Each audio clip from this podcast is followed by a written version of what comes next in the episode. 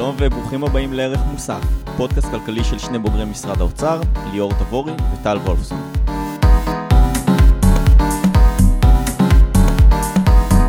היי ליאור. היי טל. מה העניינים? מעולה, מה איתך? טוב, איך השבוע שלך עד עכשיו? אני עובר דירה השבוע, זה חתיכת שבוע פסיכי. אני יודע, בוא נאמר שעזרתי לך בלסחוב כמה דברים. דבר או שניים בהחלט, אז אני תודה רבה. חשבתי שאנחנו שותפים מקצועיים, שאתה יודע, אנחנו מדברים על אה, דברים ברומו של עולם וזה, בסוף אני מסיים בלסחוב ספות. כן. ועוד ביום הכי חם בשנה. ביום הכי חם בשנה, מצאתי יום לעבור דירה. כן, אין מה לעשות. טוב, מזל שאני עובר מפה בהקדם. אה, כן, אם תצטרך שאני אעזור לך לסחוב ספה בלוס אנג'לס, אז אה, רק אה, תרים טלפון. יאללה, בכיף. Um, טוב, אז היום אנחנו נעשה פרק על נושא שהרבה זמן כבר רצינו לעשות אותו, והוא מבנה משרד האוצר. נכון, אנחנו נדבר אה, כמה דברים גרמו לנו לרצות לעשות את הפרק הזה, בעיקר הקמת הוועדה, שאנחנו עוד נזכיר אותה, שהקים אה, שר האוצר, אה, ועדה שהולכת לבחון את הסמכויות של הנהלת משרד האוצר, משהו שנשמע די אמורפי.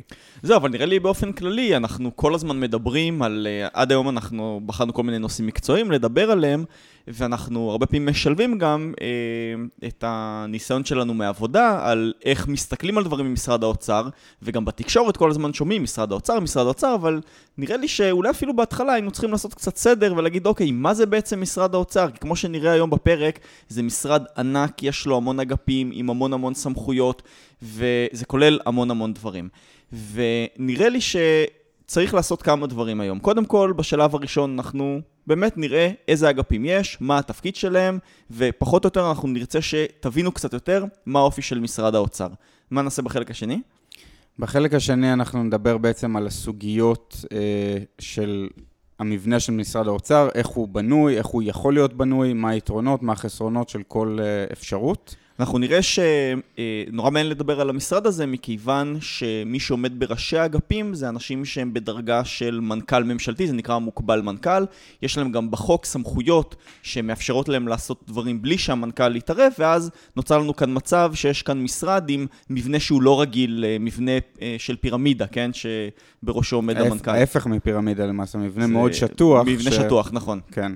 אה, והסיבה השלישית, שזה באמת מעניין, מה שליאור אמר מקודם, זה הוועדה שכנראה, שהיא אמ-, אמורה לקום בקרוב, ואמורה לחשוב על איזה מבנה חדש אמור להיות למשרד האוצר. עכשיו, חייבים להגיד משהו. תראו, בסוף, הרקע המקצועי של ליאור ושלי הוא כלכלי. והסוגיה הזאת של מבנה משרד היא הרבה פעמים סוגיה ניהולית, סוגיה של שירות ציבורי, מערבת המון המון היבטים, שלאו דווקא יש לנו מומחיות אה, בדברים האלה. שאלות אה, דמוקרטיות, שאלות של אה, איך, אה, איך אמורות להתקבל החלטות בממשלה, מה הסמכויות של כל גורם, מה בעצם, איפה הבלמים והאיזונים בכל המערכת, זה כל מיני שאלות שהן באמת קצת אה, גדולות עלינו. זהו, אבל מה שאני רוצה לומר זה שהמטרה המרכזית שלנו היא לעשות סדר. אנחנו רוצים לפרק לכם את המשמעות של המבנה של משרד האוצר, וכדי שבפעם הבאה שאתם שומעים בתקשורת שרוצים למשל לשנות את הסמכויות בתור משרד האוצר, תבינו טוב יותר איזה יתרונות וחסרונות יש לכל אחת מהחלופות שמוצעות, שבסופו של דבר גם משפיעות על המשק ועל החיים של כולנו. אמ, אני חושב שיש לנו עוד אה, לפחות עוד איזו אמירה אחת מאוד מאוד חזקה שאני רוצה להגיד אותה, וזה בעקבות ה... אה, באמת שבוע שעבר אה, העליתי בדף שלי, אני יודע שלא אהבת את זה יותר מדי, אבל העליתי בדף שלי שאלה לגבי... ולא בעמוד של הפודקאסט. ולא בעמוד של הפודקאסט.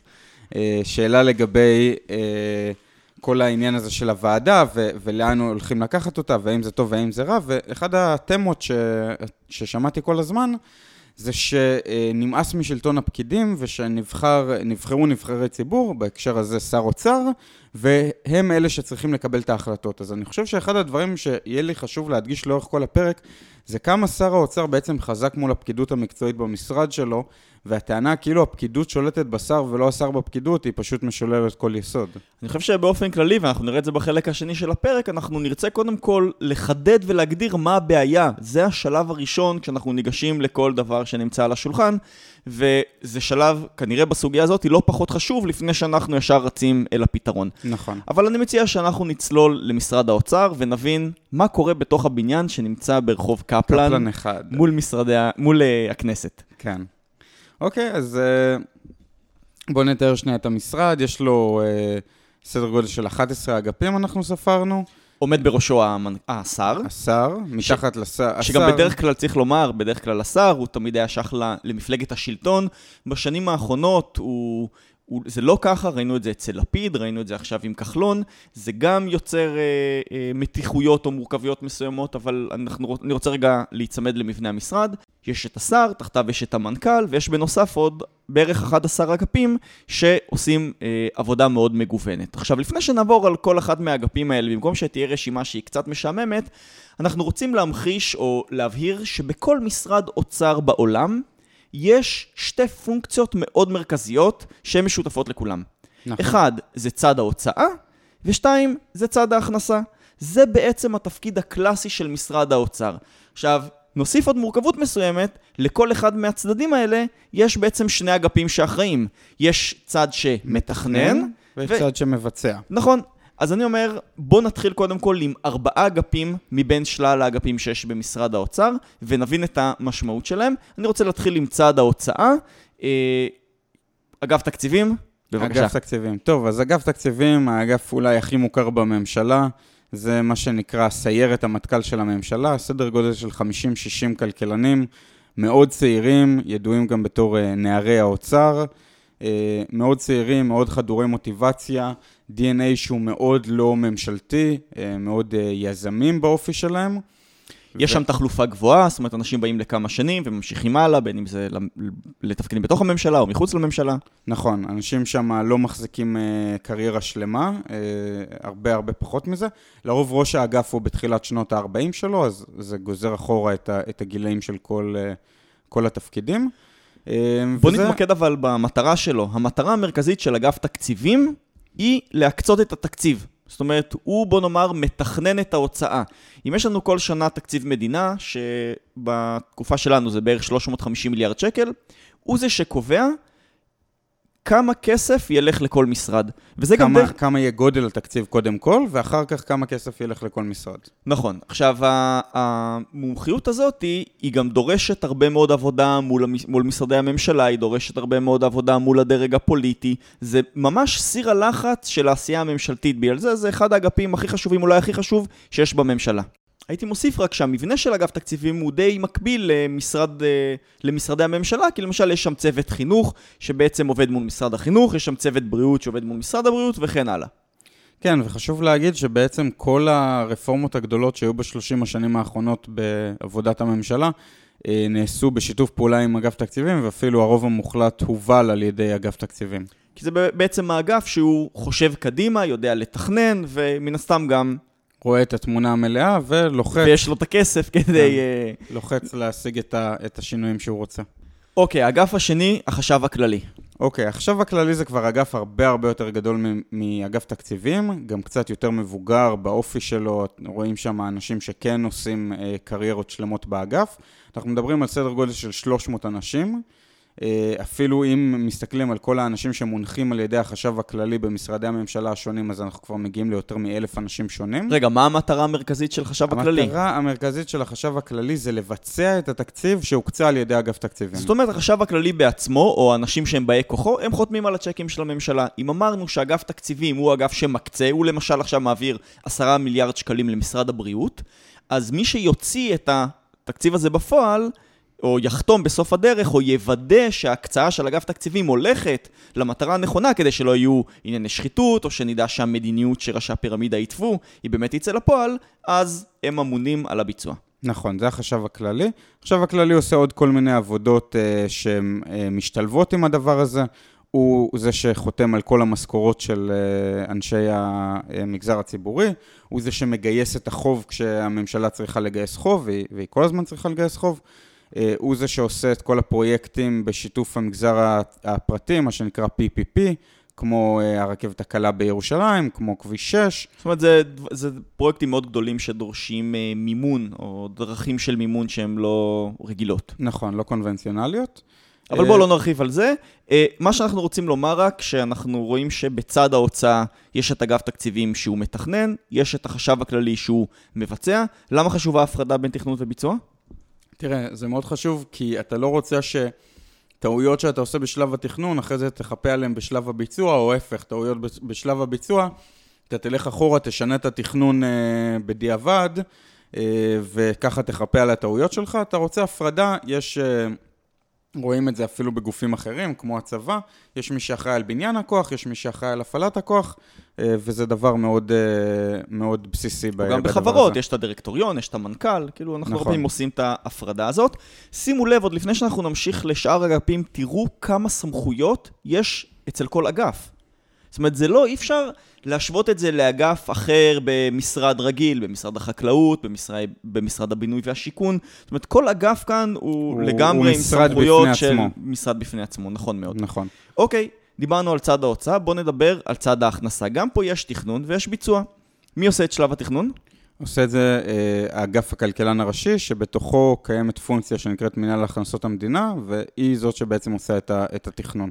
נכון מאוד. אה, נרחיב רק אה, על קצה המזלג, שנאמר שבאגף הזה יש שלוש פונקציות מרכזיות, יש את מנהל הכנסות המדינה, כמו שליאור אמר, שזה הגוף שאמון על קביעת מדיניות המס, ולא ביצוע אה, או גביית המס, שתכף נכון. נראה שזה רשות המיסים עושה. חוץ מזה יש שם גם פונקציה של מחקר, עושים שם כל מיני מחקרים שמשפרים את תהליך קביעת המדיניות אה, בישראל, היו שם אה, מעורבים המון בוועדת הריכוזיות, ועושים דברים יפים על שוק העבודה ודברים אחרים, וגם האגף הזה הוא מנהל את הקשרים הבינלאומיים של משרד האוצר, הנציגות של האוצר ב-OECD, כשמגיעות משלחות של קרן המטבע, יש לנו נציגים לישראל בבנקים לפיתוח בעולם, זאת אומרת, זה פונקציה שהיא עושה עוד כל מיני דברים. אה, אבל אנחנו מזכירים אותו בהקשר של הכנסות המדינה. כשאנחנו רוצים למשל לקבוע מה, כמה מיסים לקחת ומאיזה סוג, האגף הזה מאוד מאוד מעורב, גם בשלב התחזיות, אבל לא נרחיב על זה. מי בשלב הביצוע אמרנו? רשות המיסים כמובן, שזאת מפלצת ענקית של 6,000 עובדים, כן, זה האגף הכי גדול במשרד האוצר, אה, הרבה יותר גדול מכל שאר משרד האוצר ביחד. גם הוא בכלל לא יושב בקריית הממשלה. לא, גם המטה שלו יושב במקום אחר, וברור שבגלל שהוא אחראי על הביצוע ועל הגבייה בפועל, אז הוא פרוס בכל הארץ, אה, החל מאילת ועד אה, צפת, אם אני לא טועה, זו הנוכחות הכי צפונית שלו.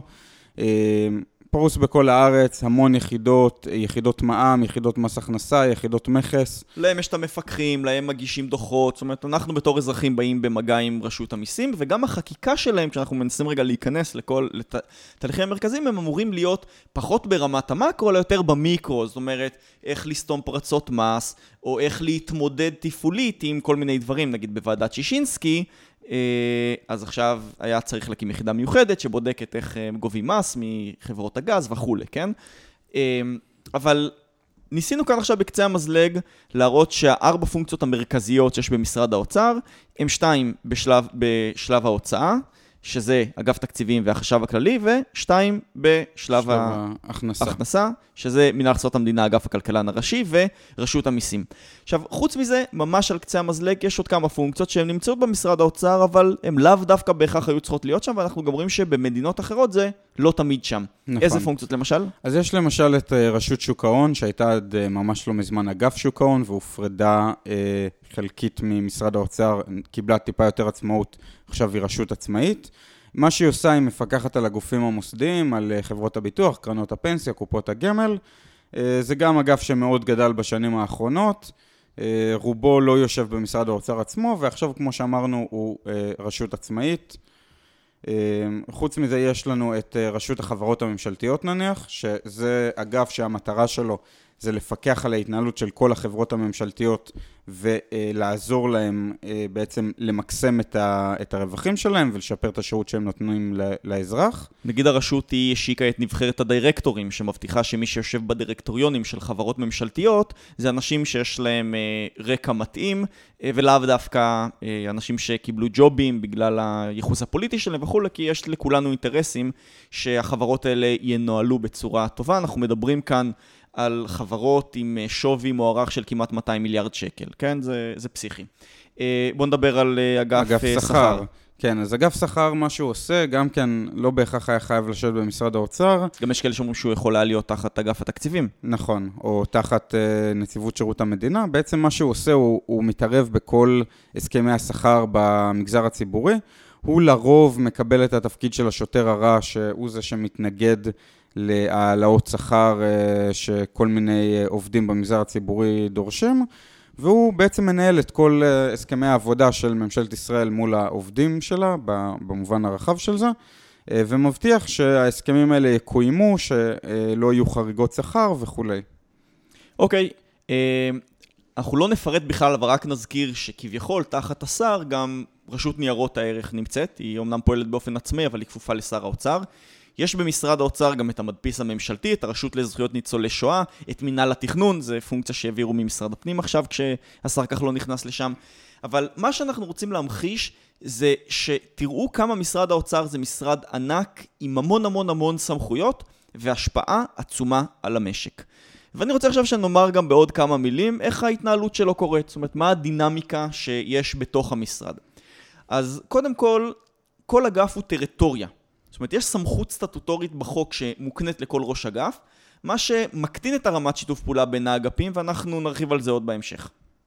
כן, אה, צריך גם להבין מה בעצם תפקידו של המנכ"ל בתוך אה, משרד כזה, בגלל שאנחנו מתארים משרד שבנוי מ-11 אגפים, שכל אגף הוא בעצם משרד בפני עצמו, עם מנכ"ל בפני עצמו, ואז נשאלת השאלה מה התפקיד של המנכ"ל, אה, של מנכ"ל משרד האוצר בכל הדבר הזה. האמת היא שהוא פחות ממנכ"ל את המשרד מהבחינה שאנחנו לרוב חושבים על מנכ"ל, הוא יותר מה שנקרא מנהל כללי. הוא לרוב לוקח את כל הוועדות הכלליות, מה שלא נופל תחת סמכות של אף שחקן ספציפי, והוא זה שעושה אותם. אז זה היה נניח ועדת ברודט שהייתה בתקופת ברודט, היה את...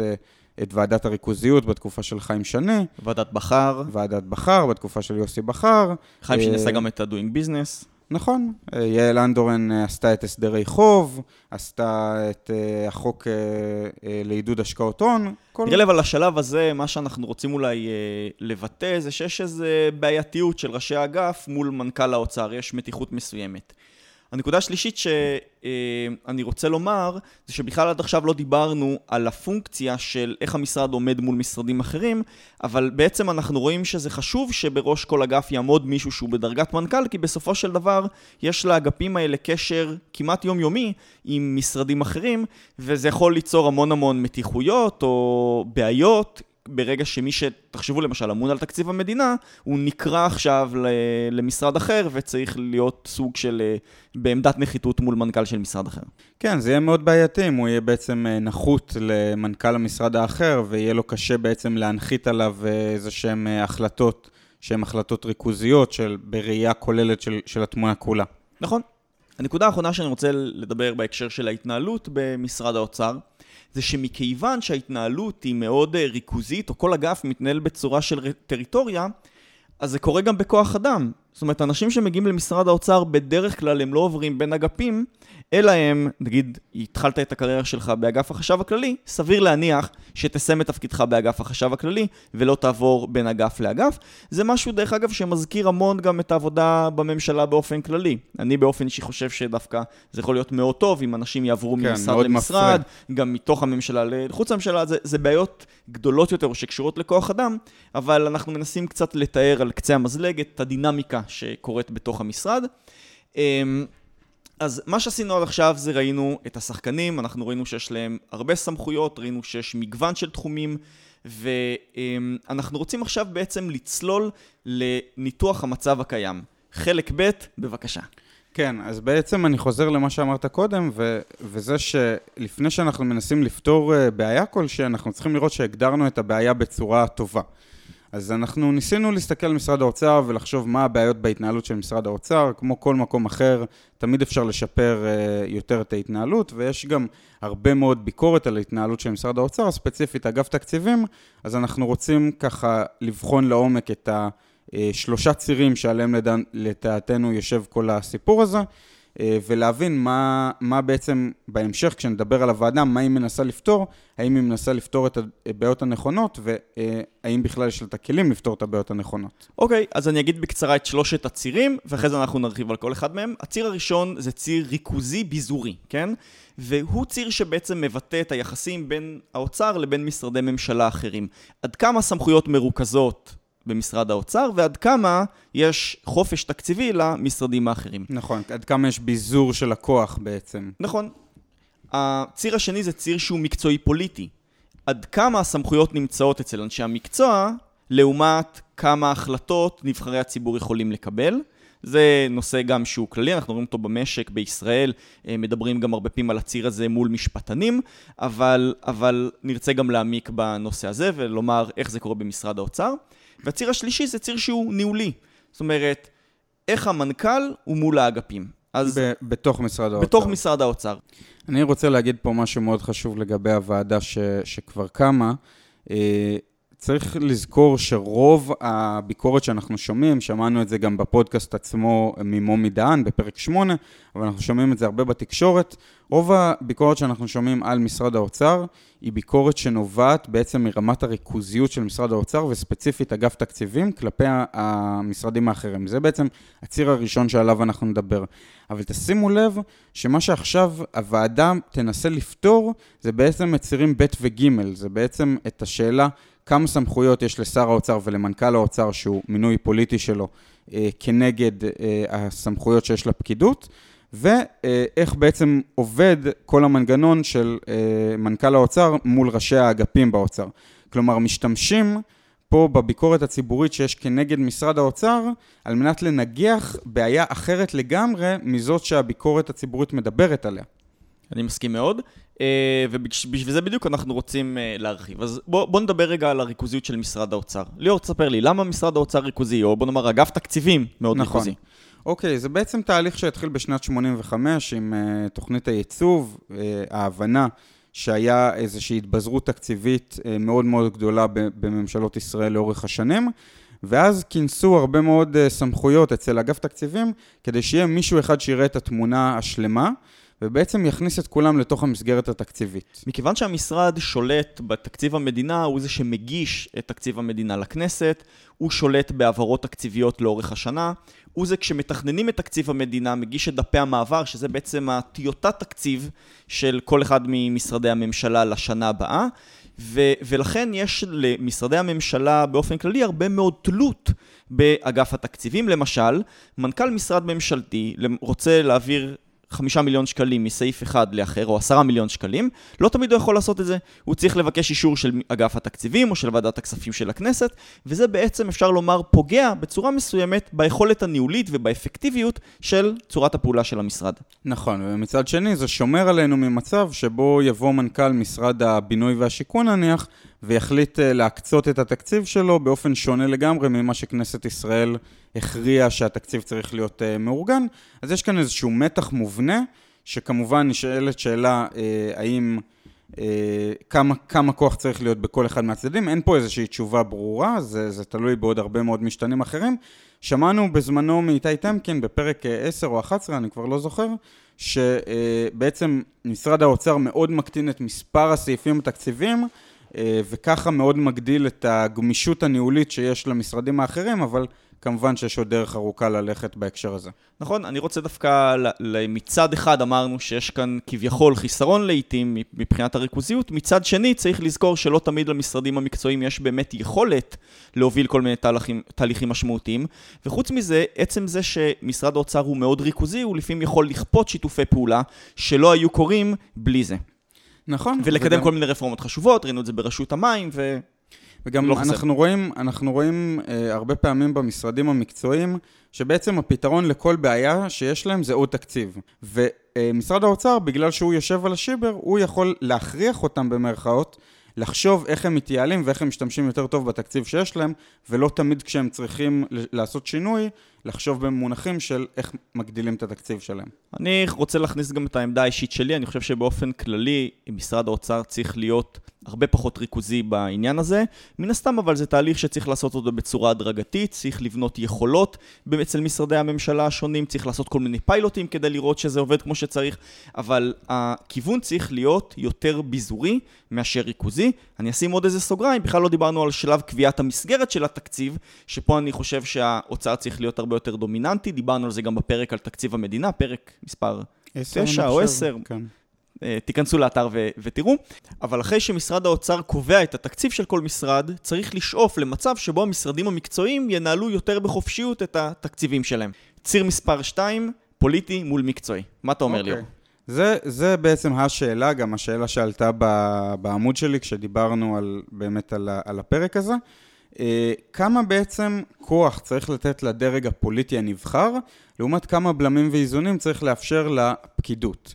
אה, זאת שאלה ענקית, אה, ואני רוצה להגיד משהו שדווקא חומק מהרדאר הציבורי. אני חושב שהתחושה היא שאגף תקציבים מנהל את עצמו, ולפעמים, אתה יודע, זורק איזה עצם לשר, וזה אה, ההפך המוחלט. השר שולט באגף תקציבים ביד רמה מאוד. בחוק, אגף תקציבים כפוף לשר. נכון. ואני זוכר שהרבה אנשים כתבו בפייסבוק, אמרו, אה, קישרו את זה למשפטנים ודיברנו על זה, הזכר, הזכרנו את זה מקודם, אבל צריך לומר שיש כאן שתי סוגיות אחרות וחשוב מאוד להבין את ההבדל ביניהם. בישראל עברה, הייתה מהפכה חוקתית, שבעצם שינתה את המאזן בין הרשויות. היום הרשות השופטת, באמצעות בג"ץ והיועץ המשפטי לממשלה, קיבלו, כנראה, אני לא מומחה למשפטים, אבל קיבלו אה, מעמד יותר גבוה מאשר היה להם בעבר. אבל הסוגיה של ניהול התקציב היא סוגיה ניהולית נטו. ברגע ששר רוצה להחליט משהו, כל הפקידות מתיישרת. ראינו את זה בהמון המון דוגמאות. ראינו את זה, נניח, אנחנו רואים את זה כל יום בתחום הדיור, גם אצל השר הנוכחי וגם אצל השר הקודם. אה, אני רוצה לספר לכם על איזשהו סיפור מצחיק שהיה במשרד, שעובר ככה כאגדה אורבנית, על אה, שני אה, נציגים של אגף תקציבים שהלכו לשר התמ"ת בזמנו. ושר התמ"ת ביקש עוד 30 מיליון שקל תקציב לאיזשהו נושא, והם אמרו לו שאין תקציב. ובאותו יום אחר הצהריים, אותו שר תמ"ת, אהוד אולמרט, אה, מונה אה, על ידי ראש הממשלה להיות שר האוצר. הדבר הראשון שהוא עשה כשהוא נכנס למשרד, הוא קרא לשני הנציגים של אגף תקציבים, אמר להם, תקשיבו, לגבי ה-30 מיליון שדיברנו בבוקר, יש תקציב. והם אמרו לו, כן, אדוני השר. כי הוא שר האוצר, הוא מחליט, הוא רואה את כל התמונה, והוא זה שקובע בסופו של דבר. זהו, באמת הרבה פעמים גם לדרג נבחר, רואים שהרבה יותר נוח להסתתר מאחורי ההחלטות של. של הדרג נקודה, הפוליטי. זה נקודה סופר אנחנו, חשובה. תן לי רק uh, להמשיך את זה, אנחנו רואים הרבה פעמים יוצא שר האוצר ומנכ"ל משרדו לסיור. סיור, בעוטף עזה. בעוטף עזה או ברשויות, כי הולכים לדימונה נגיד, כן? ו... או לעיר אחרת. ואז uh, ראש הרשות אומר לשר, תשמע, אני חייב תקצוב של uh, מעונות, או של בתי ספר, או של מחלף, או של משהו. השר... תבנה לי פה בית חולים, וזה, כל... אז השר, כמובן, בטח גם לא אם זה מישהו. מהמפלגה שלו, mm. יגיד לו, ברור, בטח שאני רוצה לתת את זה, אז, אז בוא תמשיך לדבר עם הסגן באגף תקציבים. ואז הדרג המקצועי צריך להיות הילד הרע, וזה איזה מצב כזה שהוא כביכול טוב לכולם. אני רוצה אבל לתת עוד כל מיני דוגמאות מבחינת זה שאנחנו רואים שבסופו של דבר השרים קובעים. תראה, ראיתי לא פעם סיטואציות שבהם שר מסוים רוצה תקציב ואגף תקציבים לא מסכים להביא לו, ו- וכשהשר הוא ביחסים טובים עם שר האוצר, הוא מרים לו טלפון, ובטח ובטח אם השר הזה הוא גם מהמפלגה של שר האוצר, הרבה פעמים השר יגיד לאגף תקציבים, אני מבקש להעביר את התקציב הזה לטובת מה שהשר האחר ביקש, וזה קורה. המציאות כמובן מורכבת יותר, כי לפעמים גם האגף יבקש מהשר לקצץ במקום אחר וכולי, אבל מה שאנחנו מנסים להמחיש כאן, זה שיש המון המון כוח לדרג הפוליטי, וכשהוא רוצה שמשהו יקרה, זה קורה. נכון, מתיישרת לחלוטין, וזו נקודה סופר חשובה, מה שאמרת גם קודם, על זה שבעצם שר האוצר מאוד נוח לו להתחבא, לא רק לשר האוצר, בכלל לפוליטיקאים, מאוד נוח להתחבא מאחורי הגב של, אה, של אגף תקציבים, כי הם, קשה להם להגיד לא לכל מיני דרישות שעולות מהשטח. דיברנו על זה גם באחד הפרקים, אני הזכרתי את הסיפור, אני לא זוכר באיזה פרק, שישבנו עם uh, מישהו והוא אמר לנו uh, שהוא אישר שבאו אליו אנשים מהמפלגה ציבור, שלו, נבחר, ציבור. הוא, באו אליו אנשים מהמפלגה שלו, והוא אה, נתן להם אור ירוק לאיזו הוצאה תקציבית משוגעת לחלוטין, אה, ו, ו, אבל אמר, אבל צריך לאשר את זה אצל אגף תקציבים, וכשאנחנו נפגשנו איתו, הוא אמר לנו, אין לי בעיה שלא תאשרו להם את זה, פשוט אני לא מסוגל לעמוד מולם ולהגיד להם לא לנושא הזה. יש ו- לי עוד... ואגף זה... תקציבים באמת אה, סחב את זה ומרח את זה עד, ש- עד שהדבר התמסמס. זו דוגמה מעולה, ויש לי עוד נקודה אחרונה. אני זוכר ש... כשהייתי באוצר, בדיוק היה את השלב של, אה, של הפלט, כאילו ראו שיש גירעון כן. וצריך לעשות קיצוץ רוחבי בכל המשרדים, ושר האוצר לפיד רצה לתת אה, תקציב של בערך מיליארד או מיליארד וחצי שקל, שקל לטובת ניצולי השואה. עכשיו תבינו, זו סיטואציה מאוד מאוד לחוצה, פתאום מצד אחד הדרג המקצועי רואה שיש המון המון הבטחות שצריך לממש, מצד שני, מצד שני צריך לקצץ הרבה מאוד דברים, בבת אחת השר אומר, אני מוסיף עוד מיליארד שקל הוצאה בשביל משהו שאני רואה בו חשוב, מישהו אמר לו לא? ברור, השר אה, אמר, אז הדבר מתבצע, אין פה שאלה בכלל. אז, אז זה לדעתי טענה אחת מאוד חזקה, שהמרחק בין אה, מה שנאמר בתקשורת לבין מה שקורה במציאות הוא, הוא רחוק מאוד. הטענה כאילו אה, שר האוצר לא שולט באגף תקציבים, אלא אגף תקציבים שולט בשר האוצר. אבל יש עוד טענה שאנחנו צריכים לפרק פה, וזה הטענה שלאגף תקציבים יש אג'נדה משלו. אני חושב שכבר בעצם טיפה פירקנו אותה, כי אם אגף תקציבים אה, כפוף לשר האוצר, אז בסופו של דבר זה לא משנה אם יש לו אג'נדה, אבל אנחנו יודעים ששר האוצר לא נוטה להתערב בכל ההחלטות של אגף תקציבים, הרבה פעמים הוא נותן להם אה, חבל ומאפשר להם לשחק מול, אה, מול משרדים אחרים, ובעצם לנסות לכפות את הרפורמה שלהם בדרך שהם רוצים, הוא עצמו לא מתערב. מה אתה אומר על הטענה שאגף תקציבים יש לו אג'נדה ו... היא קפיטליסטית, ימנית, אה, כל אגף תקציבים חושב אותו הדבר. כן, אני לא מתרגש מזה, הטענות האלה גם מגיעות מצד ימין, שאומרים הרבה פעמים שאנשי משרד האוצר הם בעד התערבות ממשלה וכולי. אני חושב שתראה, כל בן אדם שעושה תפקיד, יש לו מרחב תמרון מסוים שבו האני מאמין שלו משפיע על מה שהוא עושה, אבל בעיניי הדבר הזה קורה בשוליים, ובטח ובטח אם זה דבר עקרוני שגם מן הסתם קשור למשרדים אחרים ויש עליו מחלוקת, בסוף המשרד האחר יבוא לשר האוצר והוא יצטרך לברור ולהכריע במחלוקת הזאת. כן, אני חושב ששר האוצר... אה... טוב, יש כאן איזושהי שאלה ש, שאנחנו עוד מעט נגיע לוועדה, ואז נשאל למה בכלל הוקמה הוועדה. אני חושב ששר האוצר נוח לו לפעמים שיש מחלוקת תוך משרדית או, או חוץ משרדית, והוא זה שמקבל את ההחלטות. אני לא רואה אף שר אוצר שמוותר על, ה, על הכוח והסמכות הזאת. ודבר אחרון לא פחות חשוב זה להזכיר שהשר גם ממנה את ראש אגף תקציבים, ומכיוון שזו דרגה גם שהיא בדרגת מנכ"ל, זה מינוי שצריך לעבור אישור ממשלה. אה, זה קורה לא רק לראש אגף תקציבים, אלא לעוד ראשי אגפים במשרד האוצר, ככה שזה שיש כאן איזה שלטון פקידים שעושים מה שרוצים, אה, זה לא ממש נכון.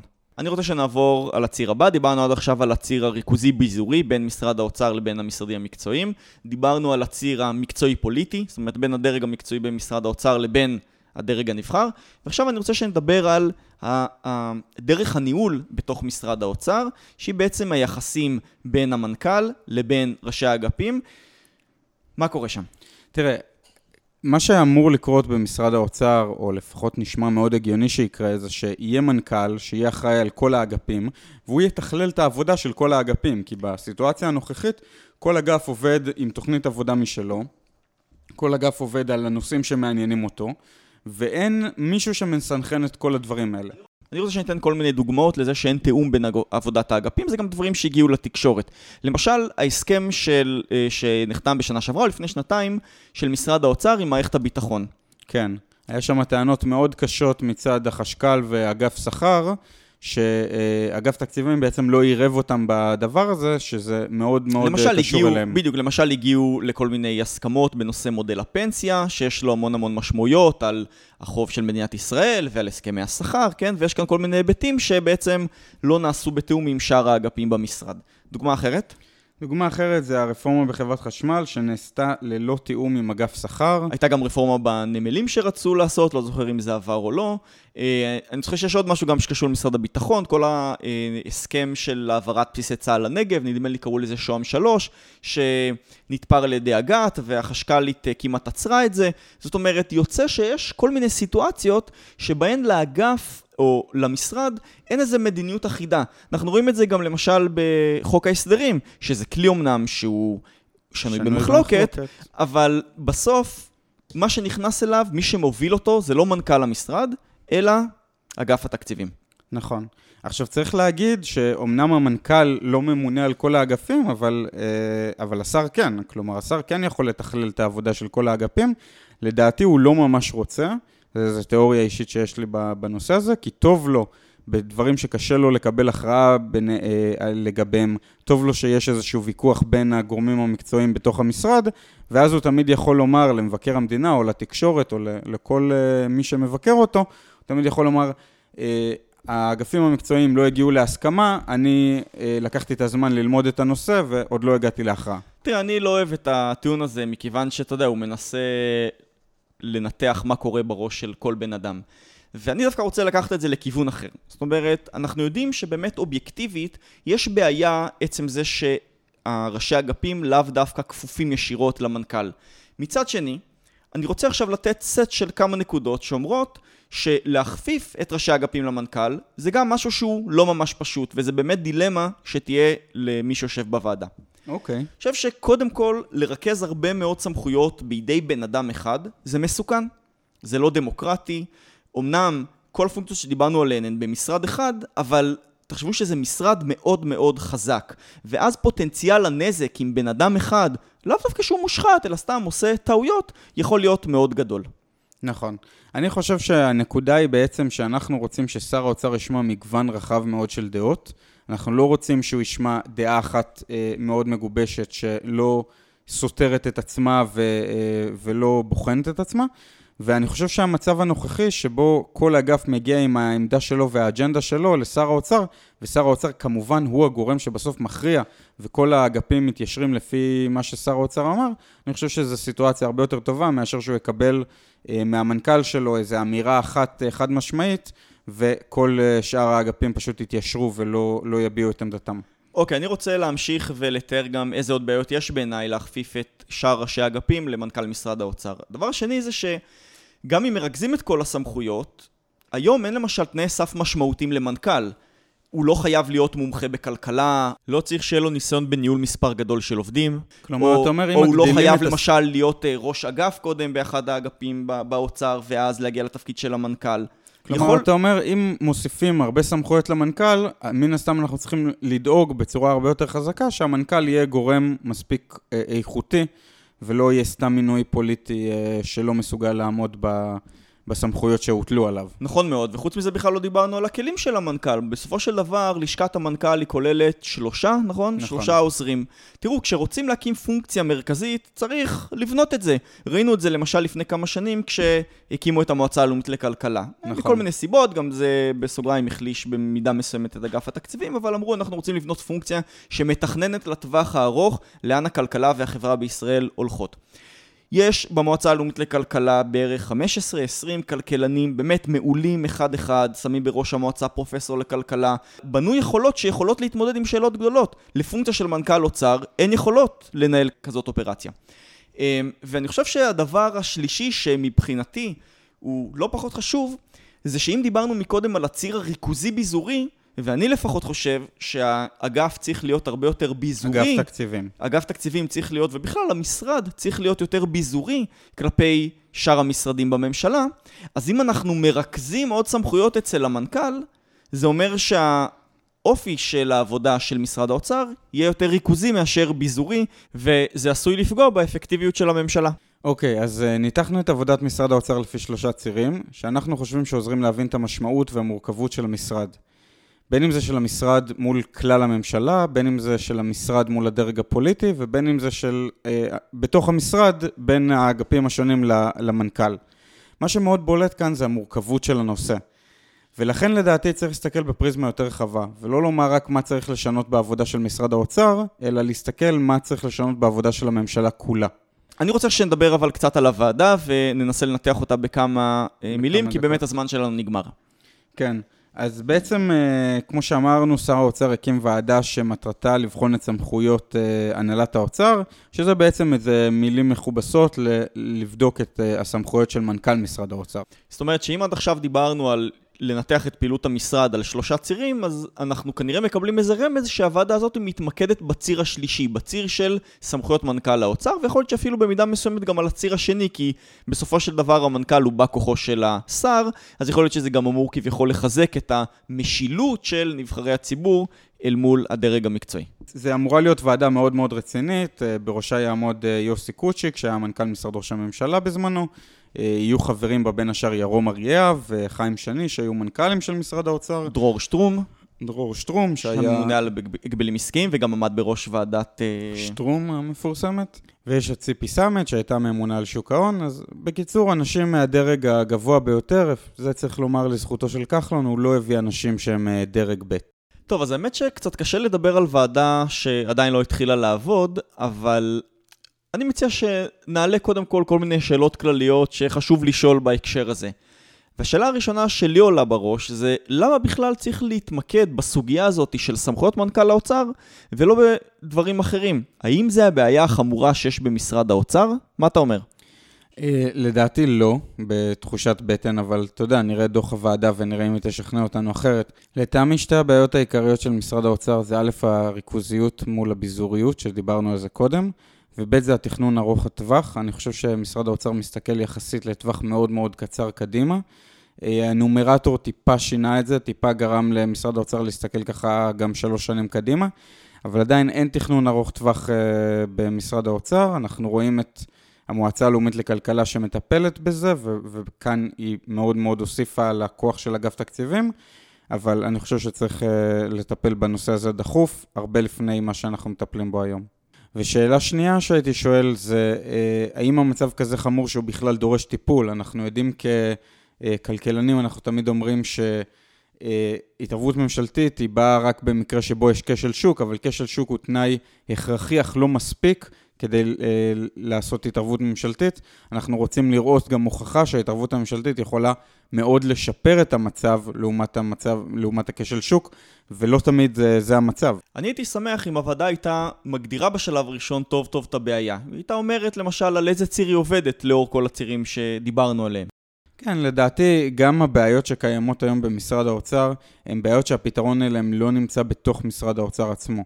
אפשר לחשוב על פתרונות uh, חוץ uh, אוצריים, uh, כמו למשל הבעיה שיש לנו בכל משרדי הממשלה, וזה גם פנים אוצרי וגם uh, חוץ אוצרי, uh, להגיע להכרעות בין משרדים, כשיש חילוקי דעות בין משרדים, איך מגיעים להכרעות. ועדת המשילות דיברה על איזשהו מנגנון הכרעה אצל uh, מנכ"ל משרד ראש הממשלה. ועדת המשילות זה ועדה שפעלה לפני שלוש או ארבע שנים בראשות מנכ"ל משרד ראש הממשלה בזמנו הרי לוקר, והיא הציעה, בסוף זה לא נכנס לדוח הסופי, אבל דיברו שם על מנגנון להכרעת מחלוקות בין משרדיות. ככה שאם משרדים הם uh, לא מסכימים עם כל מיני דברים, הם יודעים שיש איזה בורר בסוף הדרך, uh, מה שהיום זה לא קורה ותוקע הרבה מאוד תהליכים. אנקדוטה מעניינת בהקשר הזה, זה שאומנם המנגנון להכרעת מחלוקות בין משרדים לא נכנס להמלצות הוועדה, אבל ב- בסוף הדוח יש עמדת מיעוט של דרור שטרום, שהוא כן רצה להכניס את המנגנון הזה, והוא היום גם יושב בוועדה ששר האוצר מינה. היה לך עוד איזה רעיון לפתרון בכנסת? כן, אני חושב שהכנסת זה גם אה, אה, זירה שבה צריך לפתור חלק מהבעיות של אה, משרד האוצר ושל הממשלה בכלל. אני חושב שזה לא תקין שפקידים בכירים בממשלה יכולים להציג בכנסת רק את עמדת השר. הייתי רוצה שיהיה אה, שימועים ציבוריים לפקידים בכירים לפני שהם נכנסים לתפקיד. הייתי רוצה שהם יוכלו להביע את עמדתם בנושאים מסוימים אה, שהיא לא בהכרח עמדת השר, כדי שגם חברי הכנסת האחרים, שהם גם נבחרי ציבור, יוכלו לשמוע מגוון רחב של דעות ולא אה, דעה אחת מכל משרד. אני רוצה להוסיף אבל גם עוד נקודה שאולי פחות קשורה להמלצות לוועדה ספציפית, אבל אני כן חושב שהיא מאוד מאוד רלוונטית לנו בשיח הציבורי. תראה, אני חושב שבאופן כללי יש עליהום על אנשי מקצוע, דרך אגב לא רק בארץ אלא גם בעולם, וחלקו לדעתי נובע מהבטחות שהן פשוט חסרות כל כיסוי שהפוליטיקאים ב, אה, מבטיחים לציבור הבוחרים. אני חושב שמה שאנחנו רואים זה באמת, כמו שטל אמר, הבטחות חסרות כל בסיס אה, וכל יכולת אה, ביצוע, ואז באמת הפוליטיקאים, אה, נניח במקרה של שר האוצר, מאשימים את אגף תקציבים, או את החשב הכללי, או את מינהל התכנון, מי שזה לא יהיה, שבעצם לא עושה את עבודתו נאמנה ולא מאפשר להוריד את מחירי הדיור, שבעצם מה שהיינו צריכים לראות בתרחיש אופטימלי זה שעוד לפני הבחירות, כשהם היו מבטיחים את ההבטחות שהם נתנו, שהתקשורת והציבור היו שואלים אותם את השאלות הקשות ובעצם מעמידים אותם על מקומם בזה שהם מבטיחים הבטחה שלא ניתן לקיים אותה. אוקיי, okay, אני רוצה אבל לסכם. מה שעשינו בפרק הזה זה שני דברים. דיברנו על המבנה של משרד האוצר ורצינו לראות כמה סמכויות ואיזה מורכבות יש בעבודה שלו, ובדבר השני ניסינו לנתח את העבודה שלו לפי שלושה צירים מרכזיים, ציר ריכוזי ביזורי, ציר מקצועי פוליטי וציר ניהולי פנים-משרדי של מנכ"ל המשרד אל מול ראשי האגפים. ראינו שלפחות לדעתנו הבעיות המרכזיות הן בריכוזיות יתר של משרד האוצר אל מול המשרדים האחרים ובחשיבה ארוכת הטווח ולאו דווקא בסוגיה של המנכ"ל אל מול ראשי האגפים האחרים. בחלק האחרון דיברנו על הוועדה שקמה, יש בה אנשים משכמם ומעלה, ואנחנו חושבים שהסוגיה הזאת היא מאוד מאוד חשובה, היא מאוד מורכבת, אנחנו חושבים שבשלב הראשון הם צריכים לשכנע אותנו כציבור למה המערכת הכל כך מסובכת ומורכבת הזאת צריכה לעבור שינויים שגם, צריך לומר ביושר, יש בהם סיכון. נכון, אה, יש סיכוי שהם, שהשינויים יעזרו ויש סיכוי שהם בעצם יהרסו את המרקם הקיים שבסך הכל עובד כמו שצריך. ואני חוזר למשפט באנגלית, If it ain't uh, broke, why fix it? ובפעם הבאה שאתם שומעים בחדשות ידיעה על מבנה משרד האוצר, על מנכ"ל משרד האוצר, על אגף התקציבים או על גורם אחר במשרד, אנחנו מקווים שהפרק הזה עזר לכם להבין קצת יותר טוב מה קורה בתוך מסדרונות המשרד. ממש לפני שאנחנו מסיימים, אנחנו מזמינים אתכם לעקוב אחרינו בעמוד הפייסבוק, ערך מוסף, פודקאסט כלכלי של שני בוגרי משרד האוצר. תודה רבה שהייתם איתנו. אני רוצה גם להגיד תודה רבה לכל מי שסייע לנו לבנות את הפרק. היה לנו הרבה אנשים שנתנו לנו כל מיני רעיונות והפנו אותנו למקומות החשובים, אז תודה רבה לכולכם. נכון, דיברנו באמת עם עוד בוגרי אוצר ואנשים שעבדו במקומות אחרים בממשלה. אז ביי בינתיים, ונתראה בפרק הבא. אני הייתי טל וולפסון. אני ליאור תבורי. אנחנו ערך מוסף, להתראות. להתראות.